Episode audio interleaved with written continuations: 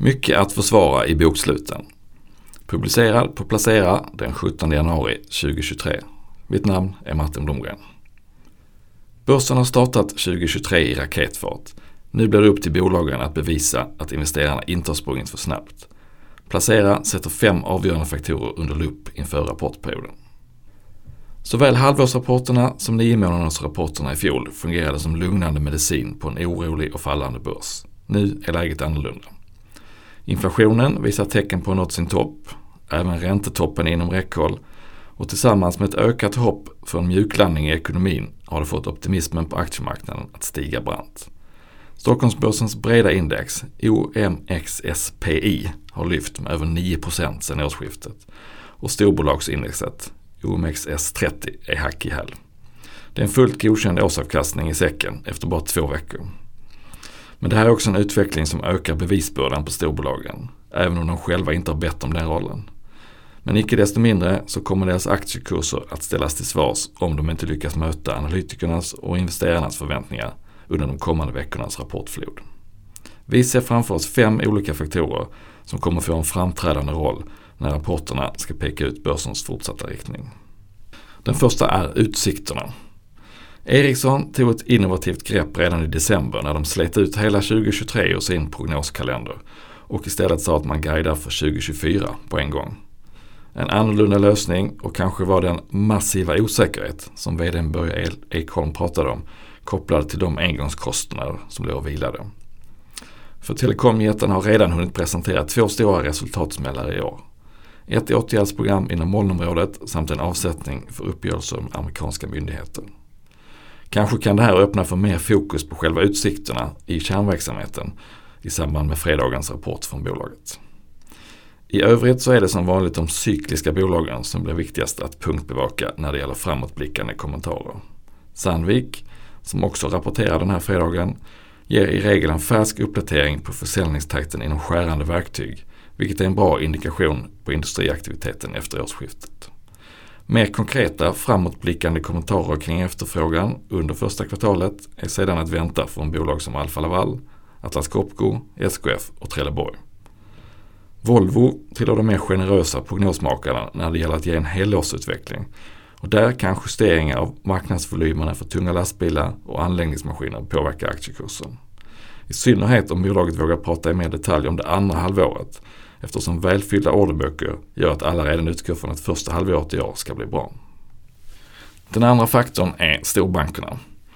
Alla fyra storbankerna har varit en stark motor i den börsuppgång som vi har haft det senaste kvartalet. Och tillsammans med industribolagen så blir de avgörande om storbolagsindexet ska fortsätta klättra. Riksbankens räntehöjningar gör gott för bankernas räntenetto och de svenska bolagen är inte heller lika känsliga för minskad aktivitet inom investment banking-delen som de stora amerikanska branschkollegorna. Med det sagt så kan inbromsningen i antal börsnoteringar och andra företagsaffärer ändå ta ut sin rätt. Och baksidan av räntemyntet är ju att låntagare och husköpare nu pressas och vi har sett den brantaste nedgången i bostadspriser på många år. Finns det redan nu tydliga signaler kanske som oroar när det kommer till kreditkvaliteten och kunder som inte kommer att kunna uppfylla sina åtaganden.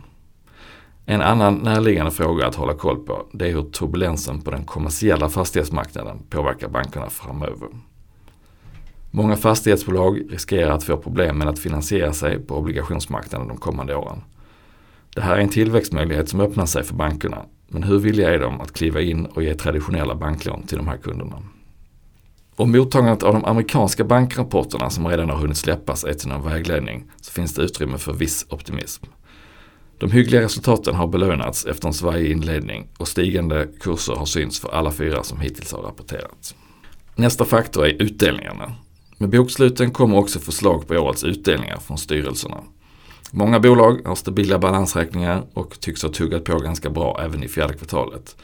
Och då kan, utdelningen, då kan utdelningen bli en icke-fråga. Andra bolag går mot en skakigare period med lägre efterfrågan och har de samtidigt stora skulder då kan styrelserna av försiktighetsskäl dra i bromsen.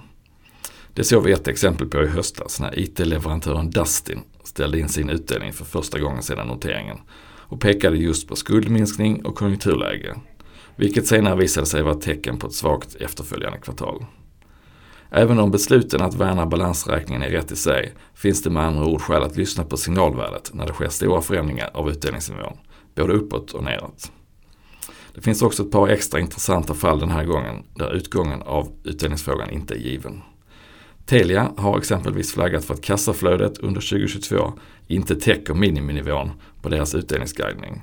Och de senaste dagarna har en stridström av nedgraderingar på aktien kommit från analysfirmor som specifikt pekar på utdelningsfrågan.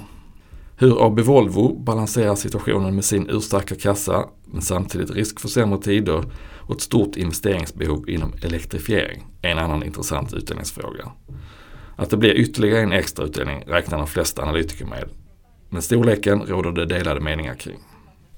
Nästa faktor kallar vi för uppsminkad tillväxt. Inflationen är ett gissel, men den kommer också att sminka upp tillväxtsiffrorna för många bolag. Under flera år så har det räckt ganska gott att dela upp omsättningen på förvärvad respektive organisk tillväxt utan att dissekera den organiska delen närmare. Nu kan en till synes bra organisk tillväxt på säg 5% i själva verket handla om en volymnedgång på 5% som slätas över med prishöjningar i linje med inflationens 10%. Den exakta fördelningen mellan volym och pris är inte något som alla bolag bjuder på i rapporterna och då blir det extra viktigt att lyssna på eller följa rapporteringen från telefonkonferenserna. För där kommer frågan garanterat att ställas ofta för att kunna bena ut hur stark den egentliga efterfrågan är. Valutan är en annan faktor som kommer att ge många bolag gratis skjuts. Dollarn har visserligen tappat en del senaste tiden, men euron är rekordstark mot kronan och i båda fallen är nivåerna långt över vad de var under fjärde kvartalet 2021. Valutaeffekterna kommer att lyfta både omsättning och vinster hos exportbolagen. Och precis som med prishöjningarna så gäller det att se igenom vad som är valutamedvind och vad som är riktig efterfrågan. Importerande kläd och prylhandlare med Hennes och Mauritz i spetsen tar samtidigt stryk av utvecklingen när dollarinköpen blir dyrare. Oftast kommer smällen med eftersläpning på grund av valutasäkringar och tiden det tar för varorna att förflytta sig från inköp till försäljning i butik. Femte faktorn kallar vi kostnadsskrällar. De skyhöga elpriserna på sensommaren övergick till mer normala nivåer under hösten för att sedan rusa igen i mitten av november innan de sjönk tillbaka. Ett perfekt klimat för att ta felbeslut kring prissäkringar och det kan leda till att det poppar upp kostnadsskrällar i bolag som traditionellt sett inte har behövt någon avancerad elprisstrategi. Teleoperatörerna flaggade exempelvis för högre kostnader i höstas och de flesta bolag känner av både direkta och indirekta effekter av högre energipriser. Även om många råvaror, exempelvis det för Europa viktiga naturgaspriset, men även fraktraterna har vänt ner senaste tiden, så tar det tid innan det här kommer att slå igenom på bolagens kostnadsnivå. Bolag som till synes klarade sig bra förra kvartalet kan mycket väl behöva ta en kostnadssmäll nu. Förhöjd kostnadsnivå, så hette det när Electrolux vinstvarnade nyligen. Och det blir nog en gångbar förklaring hos fler bolag som kommer med överraskande svaga kvartalsresultat. Står sig trenden med lägre kostnader för insatsvaror och energi går det samtidigt att hitta framtida vinnare bland bolagen som kan behålla sina prishöjningar trots att kostnaderna vänder ner. Det här är sällan något som skrivs ut med stora bokstäver i rapporterna. Men mellan raderna och på direkta frågor brukar det kunna framgå var den här vilande potentialen finns. Sammantaget får man ändå säga att under fjärde kvartalets gång har det inte tillkommit så många nya negativa faktorer. Hög inflation, Ukraina-krig, ränteuppgångar, försiktiga konsumenter, recessionsrisk och svidande elpriser tecknar tillsammans en plågsam helhetsbild. Men det är allihopa faktorer som låg i korten redan innan kvartalet. Nu har börsuppgången visserligen skrivit upp kraven på att rapporterna ska bli relativt fria från nya negativa överraskningar. Men kan storbolagen på nytt sända budskapet att de är medvetna om farorna, de är redo att anpassa sig vid behov och att de själva inte har noterat något tvärnit, så ger det råg i ryggen för team mjuklandning.